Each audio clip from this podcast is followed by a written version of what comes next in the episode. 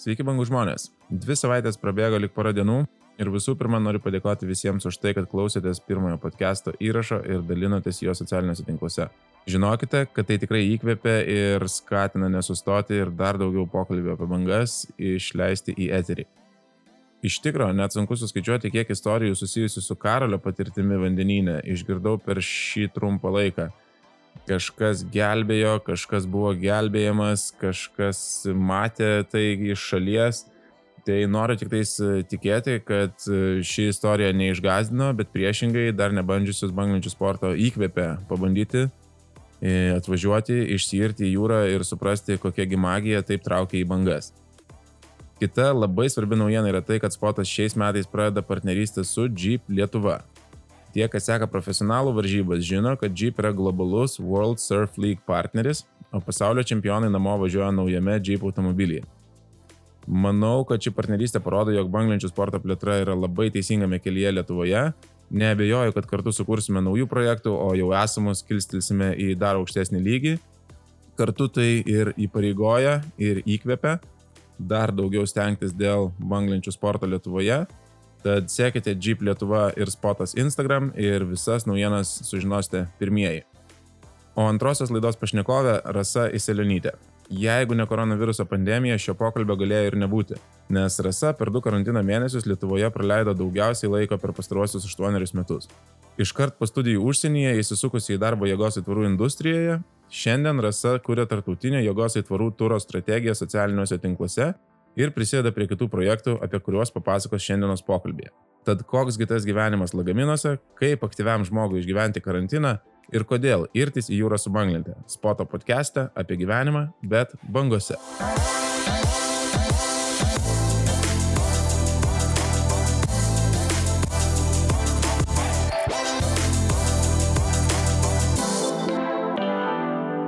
Labas, Rasa.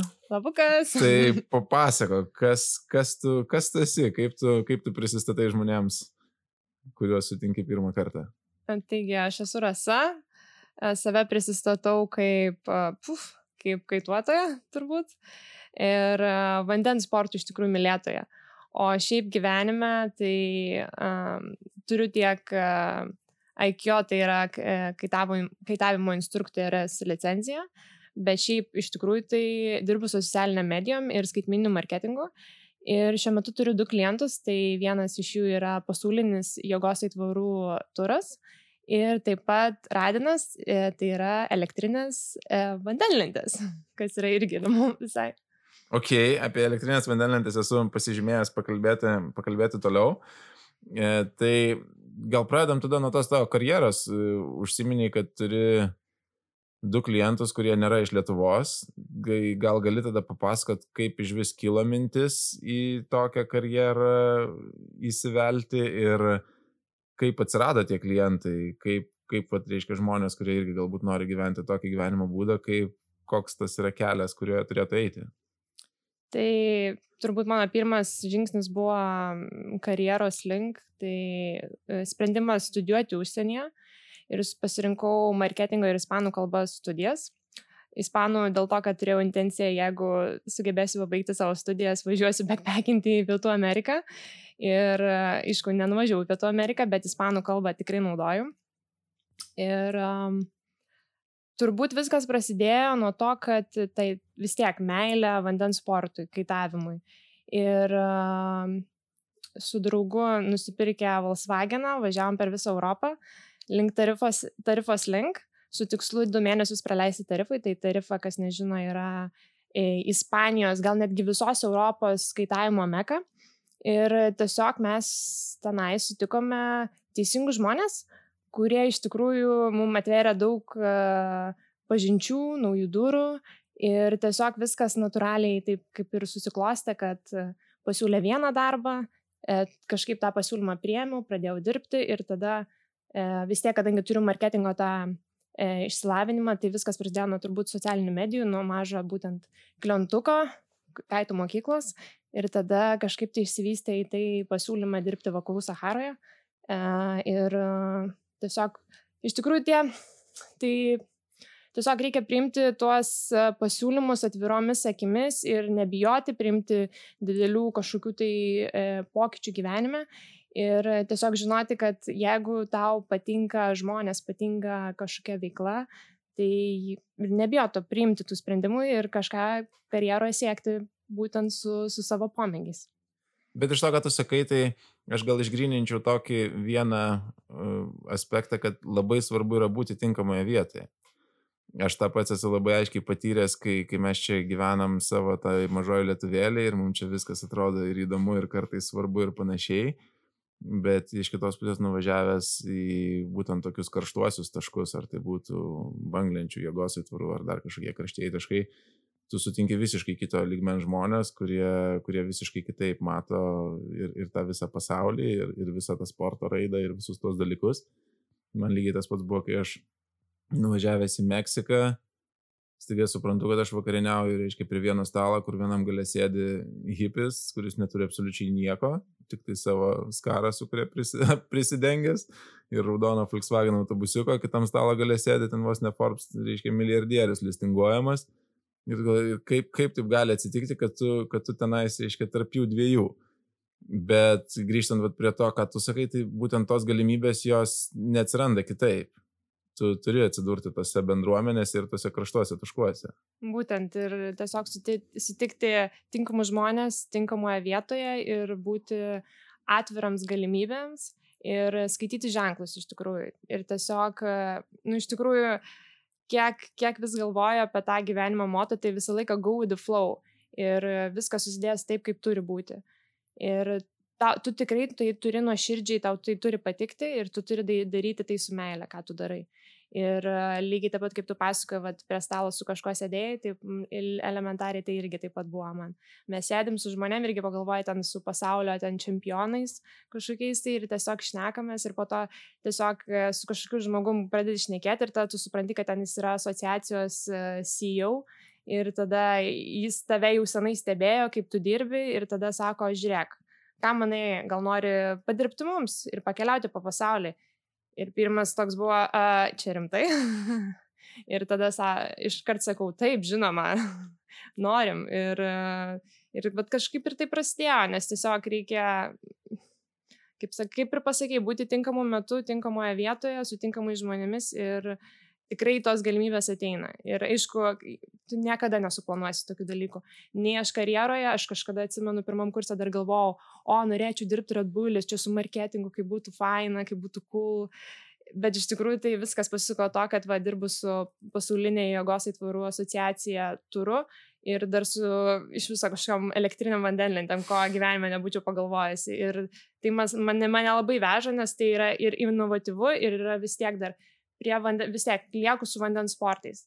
Mhm. Bet tai ar teisingai suprantu, kad vis dėlto tai nebuvo toksai sąmoningas pasirinkimas, kad e, nusprendėjai, kad nori keliauti ir tada pradėjai ieškoti tokių darbų, tai greičiau buvo, kad atėjo galimybė keliauti ir, ir, ir dirbti keliaujant. Tai iš tikrųjų tas keliavimas man visą laiką, mane visą laiką traukė ir aš 18 metų pirmą kartą iš tikrųjų skridau lėktuvo. Draugo brolis uh, studijavo užsienį ir tiesiog mes nu, nuskridome pasižiūrėti, koks tas gyvenimas užsienį. Mes nuvažiavome, pabuvome savaitėlę ir tada man buvo būtent per tą savaitę reikėjo apsispręsti, ar aš noriu studijuoti užsienį ar ne.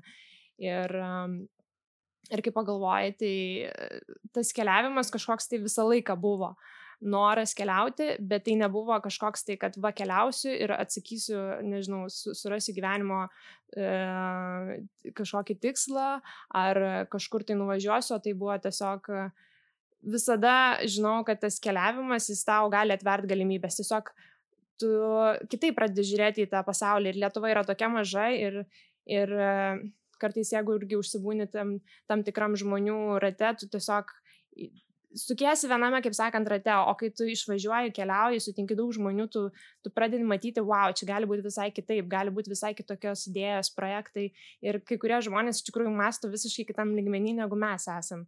Arba iš viso atrodo kitoje planetoje yra ir su tokiam idėjom grandio, grandioziškom, kad kaip taip gali būti iš viso. Taip. Tai tas kelionės tavo visos jas labai gerai atsispindi ir tavo asmeniniai socialiniai medijai. Turi ir, ir sėkėjų pakankamai nemažai prikaupusi. kiek tai turi tokio realaus ryšio su tavo, su tavo kasdienybė. Ir nes aš iš savo patirties žinau, kad tas keliavimas jisai ne visą laiką yra vien tik tais gražios spalvos ir, ir saulėlydžiai, nes ir tą, ir tą saulėlydžio nuotrauką padaryti reikia šiek tiek pastangų įdėti, nueiti ir ar atsikelti iš ryto, kad būtų saulėtekis ir graži šviesa ir taip toliau. Tai e, kaip tu pati matai, kiek tai reprezentuoja tą tavo kasdienybę ir kiek pastangų tu įdedi, kad, kad, tai, kad sukurtum tokį vaizdą ir tokį paveikslą? Iš tikrųjų labai geras klausimas, nes uh, kartais aš irgi pagalvoju, kad uh, tos socialinės medijos iš tikrųjų e, reikia kartais pasižiūrėti irgi netgi skeptiškai.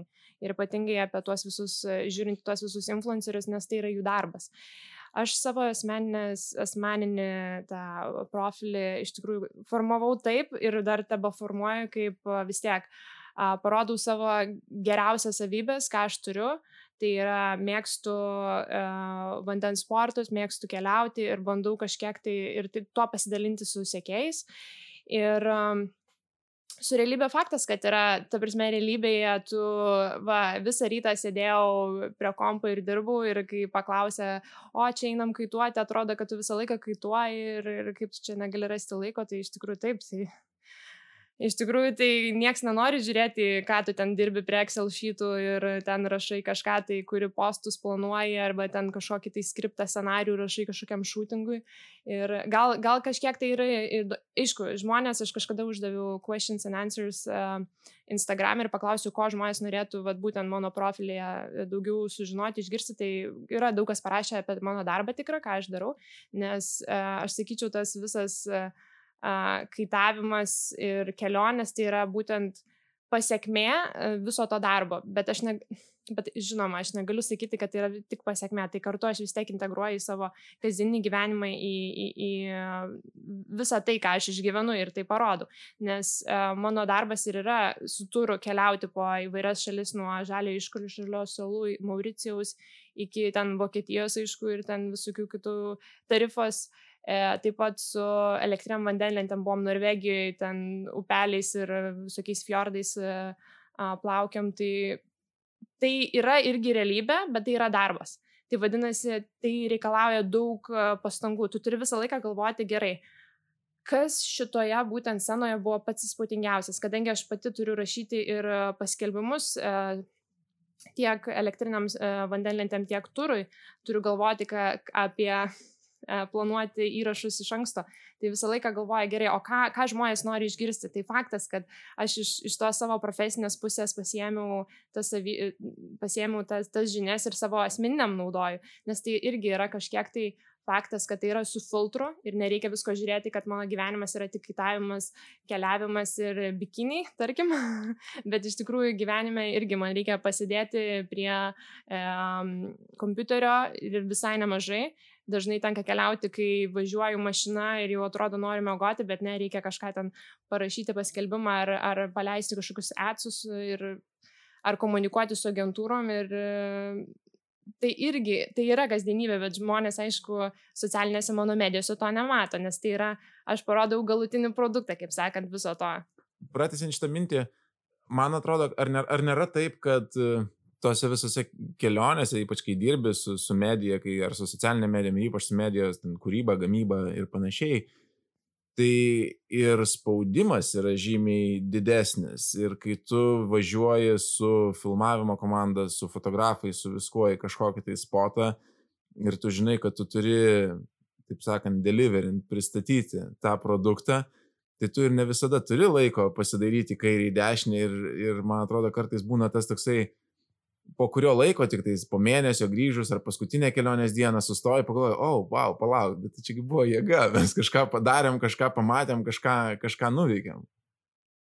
Tai taip, tai iš tikrųjų taip yra. Tai va, paskutinė kelionė, kurią turėjau, tai buvo Žaliai iškušėlio salose, sal, saloje būtent.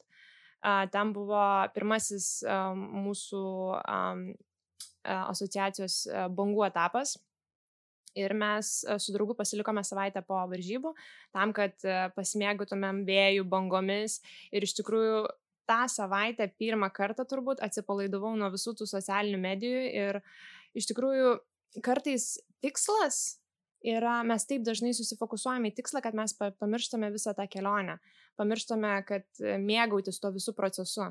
Tai aš savo, savo, savo gyvenime iš tikrųjų dažnai uh, pagaunu save, kaip tu sakei, uh, kad tą saulėlydį tobulų, tobulų kampų nufilmuoti, nufotkinti, kai ten tas aitvaras ar banga lūšta.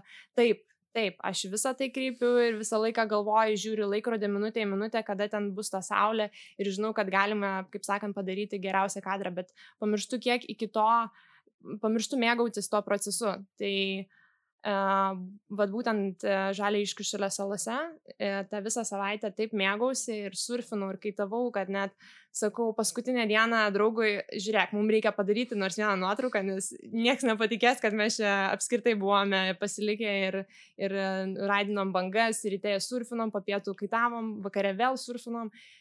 Tai paskutinę dieną sakau, pasidarom, nes kažkaip čia kvepia koronos virusu ir nebus ką postinti man.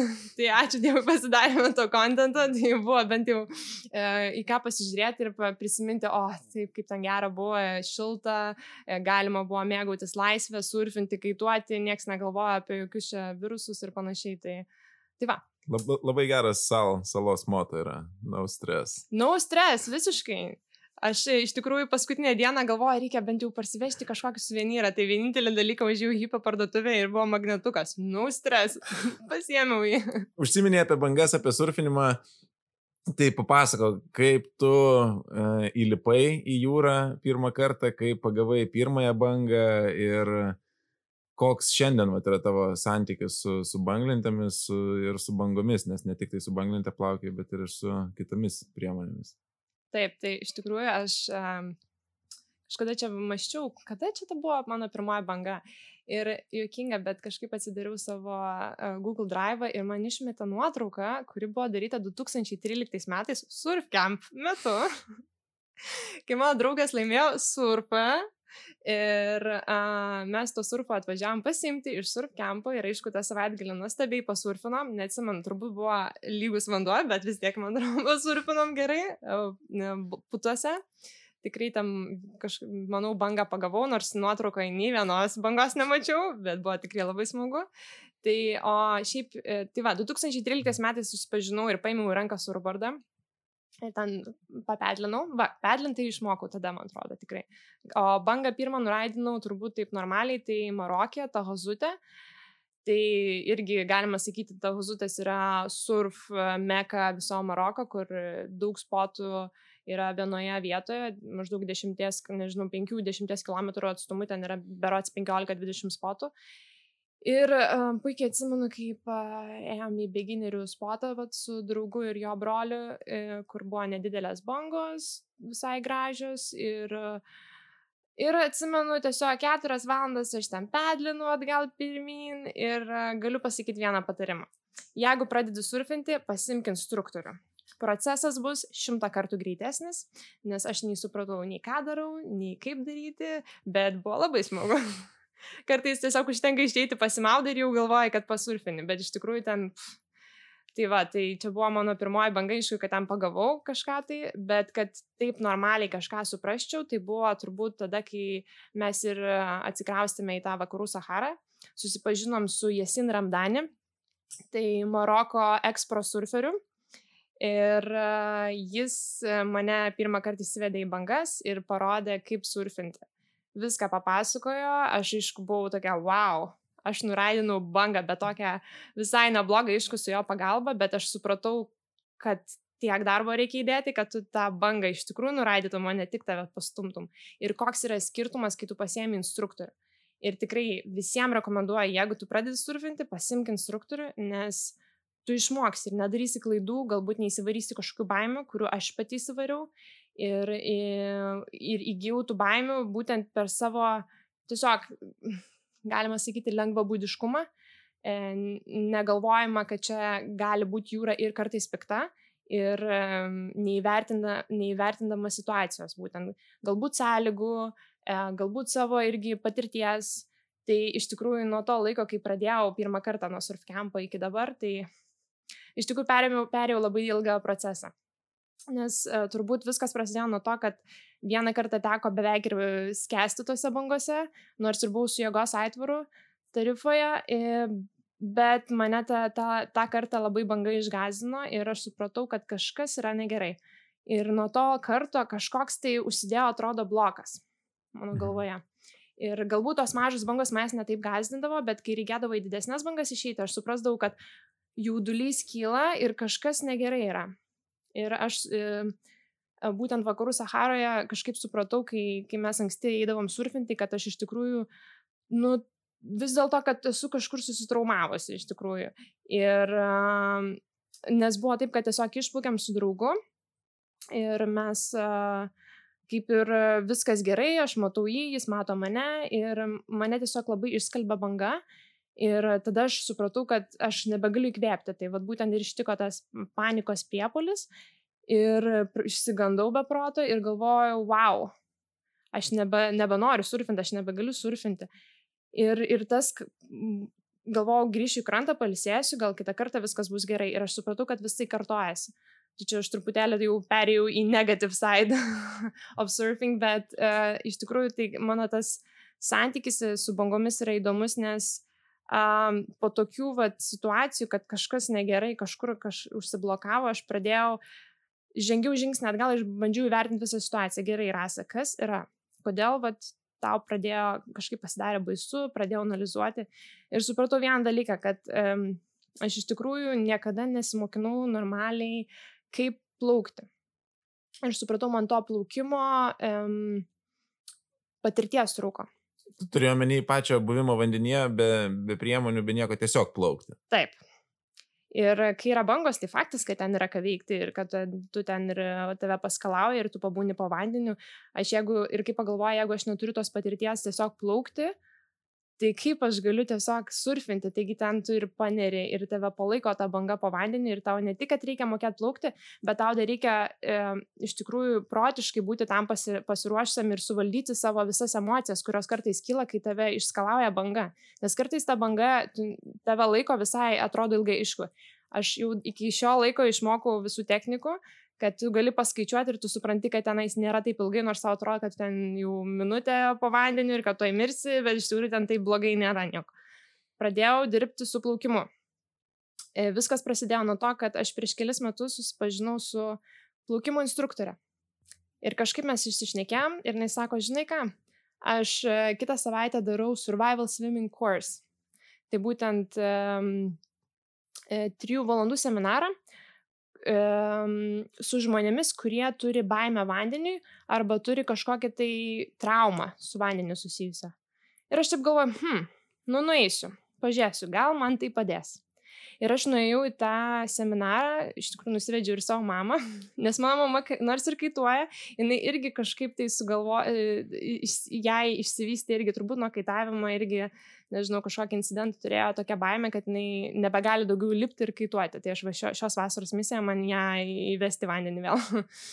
ir nuėjau ir ten buvo valandos teorija ir mes tiesiog atsisėdom, man labiausiai patiko pratimas, kai atsisėdom ir mes um, uždėjo timerį, tai būtent laikmatį ir sako, įkvėpim, viską iškvėpkite ir paskaičiuojam, kiek jūs galite visiškai iškvėpę oro pabūti.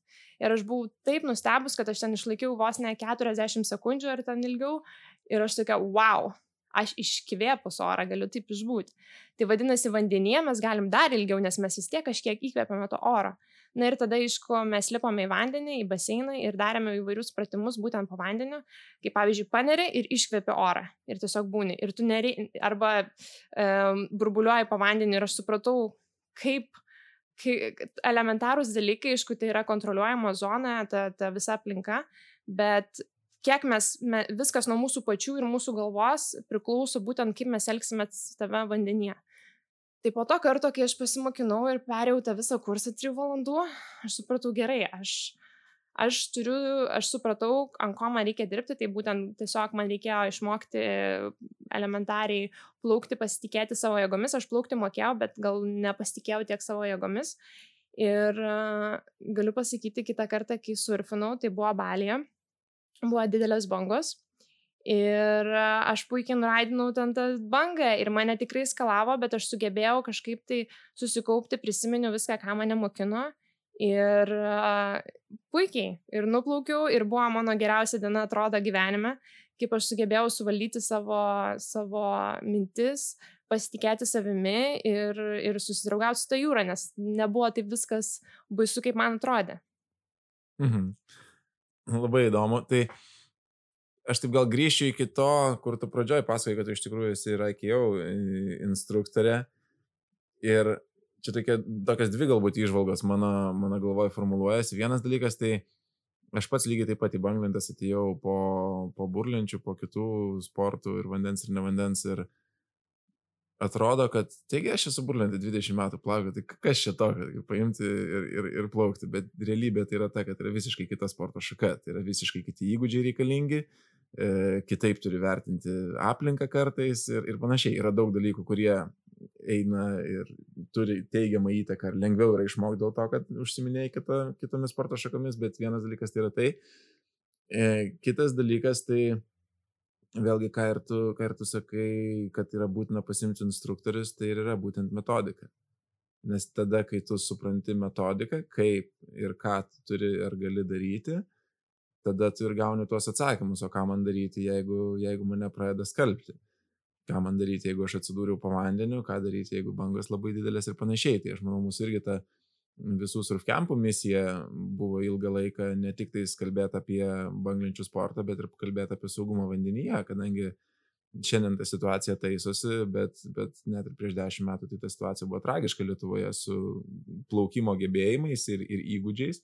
Niekas absoliučiai nežinojo, kaip saugiai elgtis vandenyje, ar jo labiau jūroje, kur dar atsiranda srovės, bangos, dar kažkas. O užsiminėjai apie Maroką, apie Balį, tarifą, o Lietuvoje, kaip tau vat Baltija, kas tau yra Baltija, kiek tu, nežinau iš tikrųjų, kiek turi patirties Baltijoje, ar, ar su Banglente plaukus, ar su jėgos aitvaru, kaip, tu, kaip tavo akise vat, Baltijos jūra atrodo? Tai iš tikrųjų labai juokinga, bet aš taip bandžiau prisiminti, kada paskutinį kartą plaukiau ir kaip tam plaukiau toj Baltijoje po to surf kempo. Tai aš supratau, kad aš vakar, e, pirmą kartą, antrą kartą gyvenime su kaitu išėjau, išplaukiau jūrą. Ir patirties Baltijos jūrai jokios. Bet man tai yra iš tikrųjų žavu dėl to, kad aš supratau, kad mes turime, wow, tokias sąlygas, mes turime sąlygas puikias. Aš pasižiūrėjau, pasižiūrėjęs Vanspoto ten stories ar ten postus, kaip ten Melnragė atrodo, galvoju, what? No way, this is Lithuania. Bet um, mes turime tas sąlygas, aišku, čia mes nekalbame apie balį ir tobulas sąlygas, ten ką paverdį kokioj, bet um, Lietuvoje tikrai galima ir išmokti, ir paplaukti, tiesiog reikia žinoti, kur, e, įvertinti savo irgi galimybės, įgūdžius, e, visą laiką irgi rekomenduoju pasimti instruktorių, jeigu kažkaip pradedi kaitu, e, pfu, su, e, surfinti. Ir pati šios vasaros, kadangi planuoju praleisti Lietuvoje, mano irgi vienas iš tikslų yra susidraugauti su to Baltijos jūra. E, dėl to turiu dabar, gal labiau tikrai dirbsiu ties e, jogos aitvaru ir e, banglente. Tai yra du viename, tai um, kaip čia pasakyti, um, vienkryptę lentą plauksiu daugiau, nes vat, kaip tik turiu um, lentą ir, ir mano tikslas šią, šią vasarą daugiausia praleisti prie jūros ir plaukti bangose. Vakar buvo mano pirmas išplaukimas, pasižiūrėjimas, tikrai wow, e, yra čia ką veikti. E, gal iš tikrųjų irgi žavi, kad tai nėra tobulos sąlygos, dėl to, kad um, aš vien matydama ir keliaudama su tuo pasauliniu turu, kai mes atvažiavome į Mauricijų, e, One Eye arba ten Belombrė yra tobula banga, e, periodas, wow, ten 15 sekundžių, 20 sekundžių ir tu supranti, kaip ten atrodo viskas easy, paprasta. Bet, pavyzdžiui, ką paverdė 19 metais, praeitais metais buvo tobula banga, buvo istorinės varžybos, ta prasme, uh, į vadovėlius galima rašyti tas bangas ir, ir, ir tą, tą renginį, o šiemet visiškai nebuvo bangų ir visi, e, visos varžybos buvo Kite Beach, e, kur yra, nu, iš tikrųjų, ne lietuviš, va, lietuviško Baltijos jūra, kai iš tikrųjų gražios bangos būna. Ir tu supranti, kad ah, tos tobulos bangos tai yra taip paprasto, o tos netobulos bangos tai nėra paprasta. Ir jeigu tu su jo, tose sąlygose daugiau dirbi, tai tu uh, turi daugiau patirties, tu jauti, kad jeigu išeisi į gražias bangas švarias, tau bus paprasčiau, nes tu žinosi, kaip elgtis. Aišku, reikia ir to, ir to, bet e, jeigu ir netgi tokiuose mušiai, net nežinau kaip pasakyti lietuškai, nešvariuose bangose plauki, tavo įgūdžiai vis tiek gerėja, tu ir, ir išmoksti skaityti, galbūt tenais matai, kaip e, greitai uh, Baltijos jūrai ypatingai vaikščia tas, um, ta, ta tas tobulas spotas, apsmė jis gali tenais vos ne šimtą metrų pasislinkti, o kitose šalise, kur viskas, kur, kur tobulas spotas vienoje vietoje visą laiką lūšta banga ir tu žinai kur. O gal Baltijos jūrai toks, sakyčiau, kaip sporto klubas. Tu turi e, tikrai greitai reaguoti, skaityti, adaptuotis, prisitaikyti, o, o, o kaip sakant, ant podiumų išeini pasirodyti, tai vat, būtų turbūt ir koks Mauricijus ir visos kitos bangos. Na, nu, aišku, reikalauja skirtingų įgūdžių, nes Mauricijui be proto didelės yra bangos, jeigu mes kalbam apie One Eye ir, ir Belombrę ger, gerą dieną. Tai faktas, tau irgi ten reikia apšilimo, tu negali tiesiog po tokių Baltijos jūros nuplaukti plaukti tenais ir galvoti, kad viskas bus gerai. Bet, nu tiesiog, aš manau, kad reikia iš tikrųjų lavinti save visose sąlygose. Ir tai yra svarbu ir dėl to Baltijos jūra, mano atžvilgiu, šią vasarą bus puikus apšilimas. Jo, aš gal net papildyčiau ir, ir iš kitos pusės truputį e, šitos diskusijos labai dažnai vyksta ir WSL, reiškia World Surf League sluoksnėse, todėl kad kvalifikacinės varžybos WQS, World Qualifying Series, dažnai vyksta būtent tose vidutinėse sąlygose. Vėjuotos bangos, sumaltas vanduo, taip toliau. Ir tada, kai geriausius banglentininkus įmeti į tas sąlygas, jie neturi tam priderintos įrangos, jų lentos ne visai atitinka, jų pelekai ne visai atitinka, jų įgūdžiai ne visai atitinka į miksą įmeti keliasdešimt vietinių, kurie tą spotą pažįsta ir, ir jame šeria taip, kaip turi būti. Ir dėl to tas WQS ir yra toksai grindas vadinamas, kur tu turi iš tikrųjų grindinti per tas vat, visas prastas ir visokias sąlygas tam, kad tu pasiektum svajonių tą turą. Ir tada įvyksta tas antras paradoksas, kai tu 2, 3, 4, 5 metus droži tose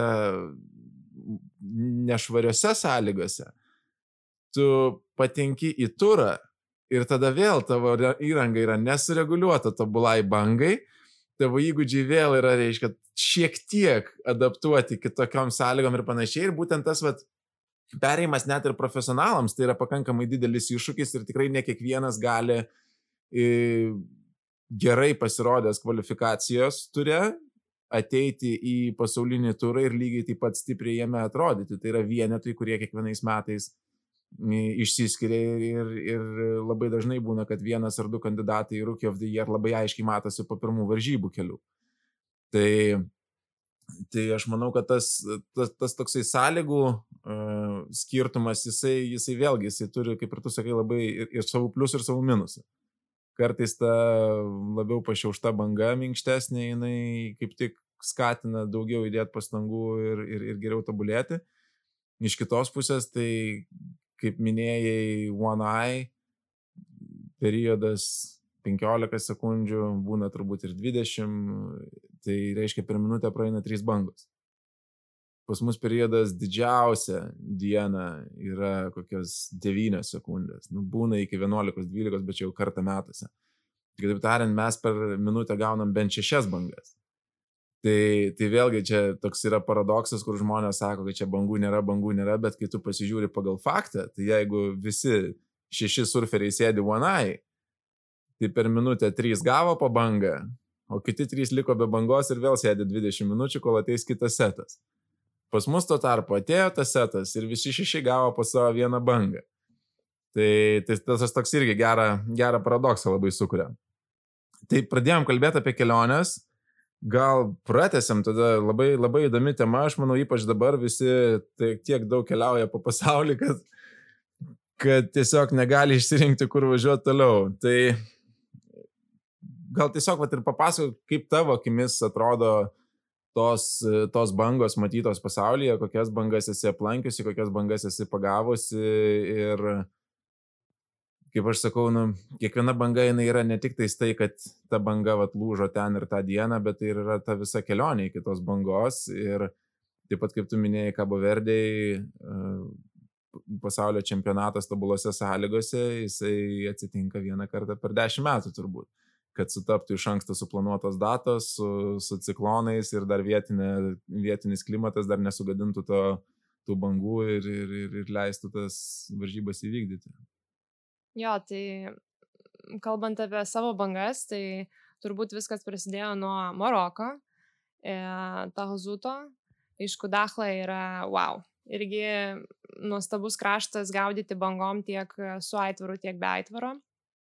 Ir, ir teko tenais pasurfinti ir, ir labai smagu iš tikrųjų.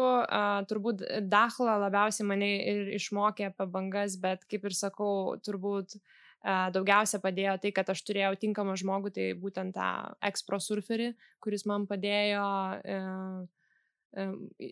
aišku, jis ir padėjo man, man išrinkti bangas ir, ir, ir parodyti, kaip, kaip skaityti vandenyną ir kokiu metu, kokius pratimus netgi elementariai daryti, kad aš galėčiau greitai atsistoti ant tos bangos, nes būna ir greitų bangų ir tu tiesiog turi greitai reaguoti į tai. Ir kartais atrodo tiesiog pritrūksta fizinės tos, tiesiog fizinių įgūdžių tam automatizavimo raumenų. Ir turbūt tobuliausia ir kol kas mėgstamiausia banga buvo Mauricijai Tai uh, aišku, aš pačia, pati į One Eye ne, neišdrįsau išeiti, mano draugas išdrįso ir pff, turėjo tikrai neblogų, kaip sakant, neblogų bangų ant galvos susileido. Nežinau, tai kaip, ar, na, aišku, lietuškai ne, neteisingai skamba, bet uh, turbūt puikiai supranta surferiai, ką reiškia susileisti banką ant galvos. Ir uh, jo, tai vad Mauricius labiausiai nustebino ir, ir, ir tai yra tikrai tos tobulos, toks, galima sakyti, uh, tai yra e, greenhouse'as, tai yra šiltnamis, kur tu gali treniruotis, viskas yra atrodo tobula ir, ir paprasta. Nes uh, yra didelė banga, yra Manaua mažesnė banga ir yra tada Shallow Reef uh, uh, mokyklinė banga, ant kurio aš ir būtent dirbau. Ir uh, šiaip atvažiavusi spotą visą laiką, visą laiką rekomenduoju pakalbėti su vietiniais, išsiaiškinti kur kas kaip, kokias taisyklės, nes bangos tik bangose būtina žinoti taisyklės, kas kur kaip, kada vietiniai eina irgi surfinti ar kaituoti, kada geriau ten nebūti, kada uh, pasikeitus taidam dinksta vėjas, tarkim, ir tu turi žinoti, kad reikia grįžti krantą, nes bangos dažniausiai užsienyje, na, mm, turiu meni gal ne Europoje, jos yra mm, labai priklauso nuo taidų. Ir tie taidai mes kalbame apie, ir, ir tos bangos yra uh, reef, reef break, tai vadinasi, tikrai reikia vos ne vienas arba du kilometrai uh, nuplaukti iki jų, kas nėra labai paprasta ir tu turi puikiai prisitaikyti prie tos aplinkos. Ir tu negali tiesiog galvoti, va, aš iš Lietuvos čia Baltijos jūrai pasiskelbęs, nuvažiuosi tenais, viskas bus gerai, pasigausiu tą bangą, nes atrodo labai viskas paprasta, bet reikia pabendrauti su vietiniais, išsiaiškinti kur kas kaip, ir tikrai pirmų taikymų nelekti ir galvoti, o aš čia pagausiu bangą. Ne, ne, taip nebūna. Tikrai turi būti apšilimas, apsipratimas. Ir uh, Mauricijoje tikrai mane labiausiai turbūt sužavėjo visos tos bangos ir tikrai noriu grįžti. Jau planavau, kaip šį rudenį ten mėnesį būsiu vietoj to, kad dvi savaitės. Bet kadangi žinom situaciją pasaulyje, bet sakyčiau neblogai, iš tikrųjų visi va grįžo į Lietuvą, E, dabar turės treniruotis, bus ką parodyti, parodyti, kad ir Lietuvoje galima ir kaituoti bangose, ir surfinti, ir yra tų spotų, tik reikia žinoti, ir kada, kur, kas kaip. Ir e, paskutinė turbūt geriausia banga, kurią pagavau, tai buvo Kapo Verdėje, tai čia buvo prieš du mėnesius. Ir iš tikrųjų supratau, dar atradau apie, apie bangas vieną tokį mano atradimas asmeniškai buvo, tai kad man labai patinka longboardinti nes ant tos lentos tu dar turi laiko pašokti. Ir gali pavaikščioti, gali uh, pažaisti su ta lenta, tai buvo labai smagu šitą dalyką atrasti, nes aš kažkaip tai visą laiką galvojau, čia link trumpesnės lentos norėčiau eiti, bet tada supratau, kad ta ilga lenta irgi yra smagu, nes tikrai turi laiko ten ir apsisukti, ir pašokti, ir pritūpti, ir, ir pavaikščioti ant tos bangos, kas yra labai įdomu. Nežinau, ar Lietuva iš tikrųjų šito praktikuoja, tą longboardinimą būtent. Bet mane visai sužavėjo ir, ir, ir, ir, ir pati ten tikrai dvi dienas taip smagiai praleido bangose, kad galvoju, noriu dar ir dar. Tai nežinau, ar Lietuvoje reikės bandyti irgi kažko ieškoti, jeigu tokių bangų yra.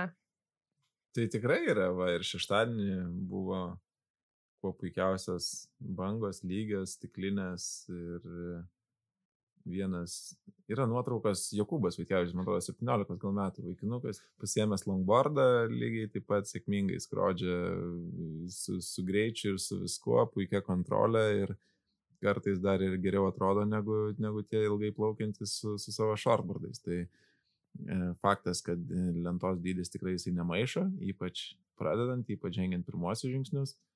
O vėlgi banglentės tai yra saviriškos forma, kiekvienas gali rasti, ką ir kaip jisai nori daryti ir kas, kas yra jo prioritetai. Kažkas nori gaudyti labai didelę bangą, kažkas nori įlysti į tubą, kažkas nori tiesiog čilinti ir yra kas su kėdė ir alum plaukia, tai visokių būna variantų.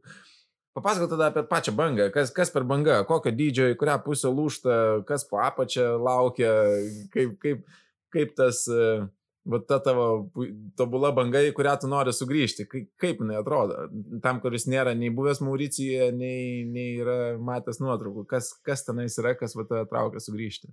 Gal iš tikrųjų pirmoji vietoje tai būtų ta tokia kultūra ir tas tos salos turtingumas nes tai yra tiesiog ta kultūra, tas uh, lėtas gyvenimo būdas, kultūrų mišinys ir tada, aišku, bangos. Nes, bet tu tiesiog net surfindamas arba ten būdamas uh, lainapė, tu tiesiog negali nesigrožėti salo, sala. Tai va čia tokie du aspektai, kad ne tik, kad ta banga labai graži ir viskas ten gerai, bet ir kad ta, tas visa, ta visa sala, ta proto turtinga yra daug ką, ką ir nuveikti ir pažiūrėti. O kalbant apie pačią bangą, tai faktas, kad laukia rifas. Mūsų visų mielas draugas. Ir tas rifas yra labai arti. ir dažnai tikrai tenka su juo pasibučiuoti, aišku, ne, tikrai nesinori ir norisi dėl to turėti hidreką, nors ir ploną, kad e, ten tavo keliai, pirštai, e, alkūnės nekraujuotų. Nes ten labai sunkiai ir žaizdos gyja irgi. Bent jau Mauricijoje, tenais, kur uh, mes buvome One uh, Lemorn, tai Lemorn tai turbūt ir pagrindinis ir būtų spotas. Tai uh, yra trys bangos, tai yra Wanajus, e, Manawa ir tai Wanajus, aišku, žymiausia banga. Ir tada man, Manawa, kuri tikrai labai smagi visiems buriuotojam, kaituotojam. Ir Shallow Reef. Tai būtent tas Shallow Reef tai yra turbūt ta banga, kurią aš surfint pati nesurfinau, bet su directional board, tai vienkryptė lenta raidinau bangas. Ir aš tikrai labai norėčiau grįžti į tą vietą su jėgos aitvaru. Kalbant apie patį surfą, tai galėčiau pasakyti, kadangi tikrai ne, nėra taip paprasta ten ir išsipedlinti, nes tai užtrunka 20 minučių, jeigu ne dar daugiau. Uh, Tai turbūt uh, surfint grįžti, tai norėčiau į Kapo Verdę, nes ten yra įvairių bangų ir tobulų, ypatingai jeigu susideda sąlygos tokių vietų, kur tu esi vienas. O Marokas, minėjai, minėjai man, kad e, Marokė vakarų Saharai praleidot pusantrų metų, taip? Tai kaip, kaip gyvenimas va, žmogui iš Lietuvos, kažkur vidury niekur, tiesioginė to žodžio prasme dykumoje, kur yra didelė įlanka su lygiu vandeniu ir šalia yra vandenynas su bangomis. Kaip, kaip tas va, tie pusantrų metų prabėgo? Gyvenimas vakarų Saharoje prabėgo labai greitai. A, turbūt todėl, kad e, ir tais dirbdom, e, o po pietų kaituodavom, surfindavom. Ir e, iš tikrųjų turbūt nelengva. Mm, iš šalies pasirodytų toks gyvenimas. Aišku, Instagrame gal ir atrodo tobulas kaip visada, bet e, galiu pasakyti, po pusantrų metų tai jau buvom pavargę, nes tai yra dykuma. Jis tikrai trūksta to žalumos, nes tada žaluma vis tiek yra dirbtinė, nors yra tai jūra, e, tai yra vandenynas, tai yra tai įlanka, bet vis tiek tu pasilgsti tos civilizacijos. Tai mano E, didžiausias savaitės įvykis būdavo nuvažiuoti į turgų ir nusipirkti maisto ir pamatyti kitus, e, na, aišku, ten matydavai vietinius gyventojus, bet vis tiek toks elementarus dalykas ėjimas į parduotuvę, tai būdavo wow. big thing. Tai važiuodavai 30 minučių ir ateidavai ir aišku, ten užtrukdavo valandą, nes e, tiesiog smagu pasivaikščioti ir pasižiūrėti visus tos, um, kaip sakant, mums įprastus dalykus. O, o gyvenant e, vakarų Saharoje, tai reikia žinoti, ko tu ten atvažiavai. Mes e, su draugu ten atvažiavome dirbti ir kartu uh, kaituoti, surfinti, tai būti šalia vandens. Ir tai buvo turbūt uh, pasakyčiau, vienas geriausių mano gyvenimo periodų, nes e, kaip tik buvau pabaigusi universitetą, e, žinau, kad aš noriu e, dirbti kažką su marketingu, bet taip pat noriu kaituoti. Ir tiesiog atsiradus galimybei pasiūlymui, tenais dirbti su socialiniam medijom ir kurti mediją tam viešbučiui, kuriame, kuriame mes ir gyvename. Tai faktas, kad sakiau taip, ir priėmiau šitą pasiūlymą atviromis akimis, nes žinau, kad bus nelengva, reikėjo atsisakyti vis tiek draugų, e, ten mes atvažiavome visiškai, kaip sakant, į, į naują erdvę, kur mes visiškai nieko nepažinojome, bet uh, ir buvome visi, visi, kaip sakant, vietiniai darbuotojai buvo marokiečiai, mes buvome keturiese užsieniečiai. Tai tikrai nebuvo lengva, bet galiu pasakyti, būtent tie marokiečiai, kurie gyvena E, vakarų Saharoje ir dirba būtent jėgos aitvarų instruktoriais ar e, banglenčių instruktoriais, tai yra beproto e, šilti žmonės, nes ir jie yra vis tiek labiau jau, jau žino europietišką kultūrą, nes jie dirba su europiečiais, su, su mm, žmonėmis, kurie, nu, tu turi turėti ir etiketą ir, ir, ir gal netgi kažkiek tai ir pamiršti apie tą būtent krikščionišką ir, ir, ir islamišką tą tikėjimą ir, ir prisitaikė vis tiek prie to karantino metu keliauti nieks negali, visi sėdi namuose, pirmas ten tas kelias savaitės lipo sienom, sofom, visi challenge'us darė, kas ten alpinizmų užsiminėjo, filmavosi, kas kaitavo bangas iš paklodžių, darė viską. Kaip atrodė tavo karantinas ir, ir, ir aš žinau, kaip atrodė kažkiek, bet kaip jisai atrodė iš tavo perspektyvos ir kokią čia avantūrą užkūrėjai. Tai iš tikrųjų, um, įdomu buvo, nes grįžau būtent tada, kai jau grįžau iš žaliai iškušėlio salų, tada, kai jau, kaip sakant, uždarė Lietuvos sienas. Tai iš karto su draugu um, teko izoliuotis. Ir e, praėjus keliom dienom gavau pasiūlymą pravesti online savo treniruotę. Nes šiaip aš asmeniškai e, sporto klubą dėja neturiu laiko kada vaikščioti, nes visą laiką keliauju. Tai aš esu sugalvojęs savo a, tokią rutiną, tai yra 30 minučių a, aukš, aukšto intensyvumo intervalinė treniruotė ir aš tas treniruotės tiesiog bet kada, bet kur viešbutie laukia pasidarau ir dan. Ir tikrai įmanoma turėti sixpacką, jeigu kas nors klausia. tai um, iš tikrųjų Agnė manęs paklausė, ar norėčiau padaryti online treniruotę Board Sports Chicks Facebook grupėje, tai yra moterų bendruomenė, kuri moteris, kurios mėgsta veikinti, surfinti, kaituoti, tai yra aktyvių moterų bendruomenė. Tai aš, kaip sakant, sutikau padaryti pirmą treniruotę, padariau, kažkaip ten atsirado 40 komentarų, kaip faina, tęsiam toliau. Padariau vieną savaitę, tada jau matau čia, nu, jau kai rimčiau viskas vyksta, jau pradėjau planuoti treniruotės, kaip čia kokius pratimus ir viskas išsitęsė į septynių savaičių lockdowno rasos bootcampą. Tai realiai kiekvieną rytą, e, penkis kartus savaitę, darydom treniruotę 9 ryto ir būdavo nuo 30 iki 50 žmonių prisijungusių ir kiekvieną rytą su manim darydavo tas treniruotės. Tai aišku, um, pačiai tai buvo kaip ir būdas, aš kadangi esu labai aktyvi ir tikrai man reikia to sporto, man reikia judėjimo, atrodo, aš negaliu būti tiesiog namuose nusidėti vietoje, aišku, ten tenka padirbti prie kompiuterio, bet visą laiką einu pasivaikščioti ir kažką veikti ir, ir tai buvo puikus man karantino kažkoks tai um, laiko praleidimo būdas, kai aš galėdavau išsikrauti ir kartu jausdavausi, kad pabendraudavau su beproto daug žmonių. Kažkaip jausdavausi, kad tai čia mano socialinis gyvenimas tikrai vyksta ir aš bendrauju ir, ir įkvepiu vat kitas moteris irgi sportuoti. Žinau, kad ne tik moteris sportavo, nors tenais e, neprisipažįsdavo vyrai, nerašydavo komentaruose, kad išlaiko trijų minučių plenką, e, bet e, kažkaip tai vat ir sportavom tas septynės savaitės ir iš tikrųjų man ta, ta būtent ta rutina ir tas, tas bootcampas mano 30 minučių, tai mane įkvėpė, kad aš sugalvojau, kad uh, gal netgi laikas išsilaikyti grupinių uh, treniruočių instruktorės sertifikatą.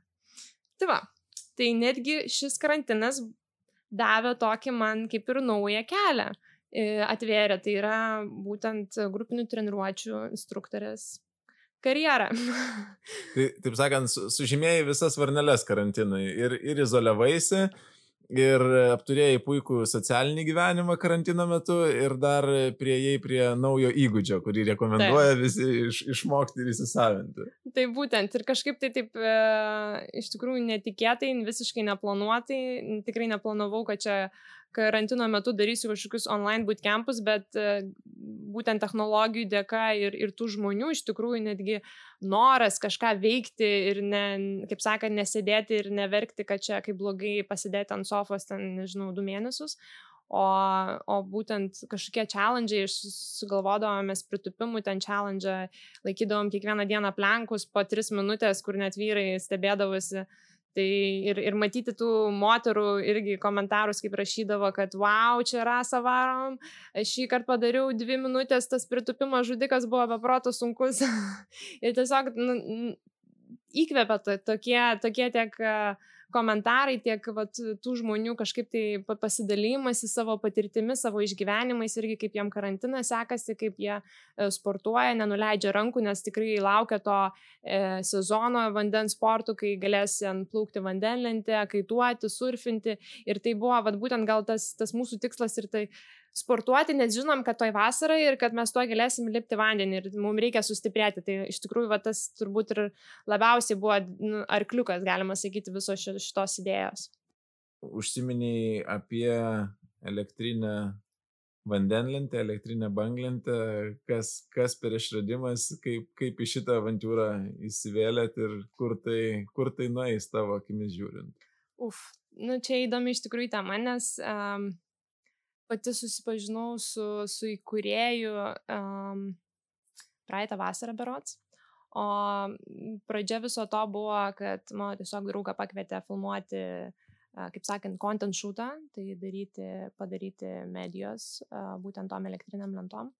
Ir kažkaip jis nuvažiavo, grįžo po, po savaitės šūtingo ir sako, nu čia žinok, the next thing. Ir aš tokia, kaip tai mes, kadangi pačioje industrijoje dirbam, ta prasme, e, jėgos aitvarų pasaulinėme turė, tai tu žinai viską, kas vyksta, visas naujoves ir, ir, ir atrodo, nu čia jau žinai, kaip čia kur kas viskas vyks ir taip staiga atsiranda kažkokie tai elektrinės vandenlentės ir toks, kas čia iš viso.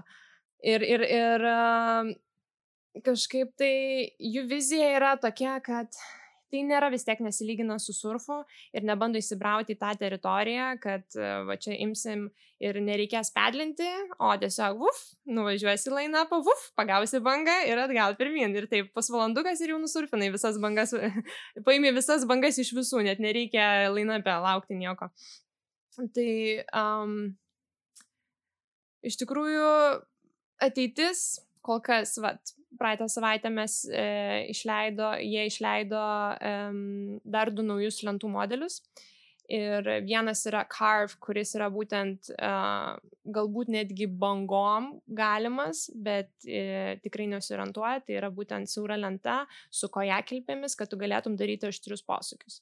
Ir kita lenta yra freeride, tai irgi tu gali tiesiog ant jos vaikščioti kaip ant longboardo ir daryti tokius uh, nice cruisinimo posūkiukus. Tai visa ta idėja yra gal labiau tikrai neokupuoti surspotus, o labiau išnaudoti upelius, ežerus. Tokias vietas, kur atrodo, hmm, nususupo faina praplaukti, bet norėtųsi kažkaip ekstremaliau. Tai kai tu žinai, kad ten e, greitis gali būti 55 km per valandą ir visai jau jauti, kad e, ašarėlė trykšta, tai iš tikrųjų visai smagu taip greitai prasilėkti kokiu e, siaurų upeliu. Ir va čia praeitą savaitę buvome prie trakų pilies, apiplaukti per vieną minutę tą trakų pilį ir pasižiūrėti iš visai kitos perspektyvos. Tai um, labiau čia yra vis tiek tas produktas eksplorinimui ir galbūt netgi pamatymui tų mūsų kasdieninių, atrodo, jau šimtą kartų matytų objektų iš visai kito kampo. Ir ta galimybė labai greitai nuo vienos, kaip sakant, nuo vieno ežero galo iki kito nusigauti vos ne per kelias minutės. Tai tas greitis tikrai užveda, nes tu gali tikrai greitai varyti, e, plaukti ir, ir gali daryti posūkius aštrius su naujom lentom. Ir tai būtent yra labiau ežerų, upių galimybė eksplorinti ir daugiau pamatyti tiesiog. 55 km tai ir prisiplot gerai galima, ne, tai... ne, ne tik tais prasilėkti gerai. jo, yra, yra, yra, tikrai gali išskristi, nes šiaip jeigu e, vis tiek lenta yra e, prikabinta tavo, prie tavo e, ant lyšo, prie tavo kojos ir yra uždėtas magnetukas ant pačios lentos. Tai jeigu tu nukrenti, tai lenta iš karto sustoja, o tu iš inercijos skrendi tiesiog toliau. Geras, reikės kada pabandyti. Bet grįžtam tada prie bangų ir kaip tu matai, kodėl, kokia vat yra tavo bangų filosofija, kodėl, kodėl tu plauki į jūrą, o ne į lygų vandenį, į vandenyną, vat pasakoja apie tą rifą, kuris pjausto viską, ką jam duodi, bet vis tiek norisi grįžti ir virš jo, reiškia, prasi, prasilėkti. Tai vad, kas yra, kodėl tai yra banga ir kodėl tu nori grįžti į jūrą? Na, aš manau, turbūt e, pagrindinė priežastis yra ta, kad e, tu gali visiškai atsijungti nuo viso pasaulio. Pirmas dalykas. Tai yra disconnect from the rest of the world. Tavo problemos, tavo kažkoks kasdienis gyvenimas ir kažkokie šurmuliai dramos, tai tampa nereikšmingas dalykas. Nes tu išplaukęs į, į tas bangas, tu jautiesi, um, tu jautiesi čia ir dabar tai tavo praeitis, ateitis, jinai na, visiškai yra nereikšminga. Tavo, tavo visa, vis, visos mintis turi būti čia ir dabar, jausti savo kūną, įsijausti į momentą. Ir, ir būtent tas turbūt tas ir žavė beprotą, kad tu gali išplaukti ir tiesiog viską pamiršti, nesvarbu, nusimti visus savo, net savo pamiršti savo vardą, tu tiesiog esi tu ir jūra, yra, e, arba vandenynas, tai yra tu ir bangos, ir tu tiesiog nori kartu kažkaip žaisti. Žaisti tose bangose ir tiesiog susilieti ir pamiršti ir atsijungti ir negalvoti apie nieką.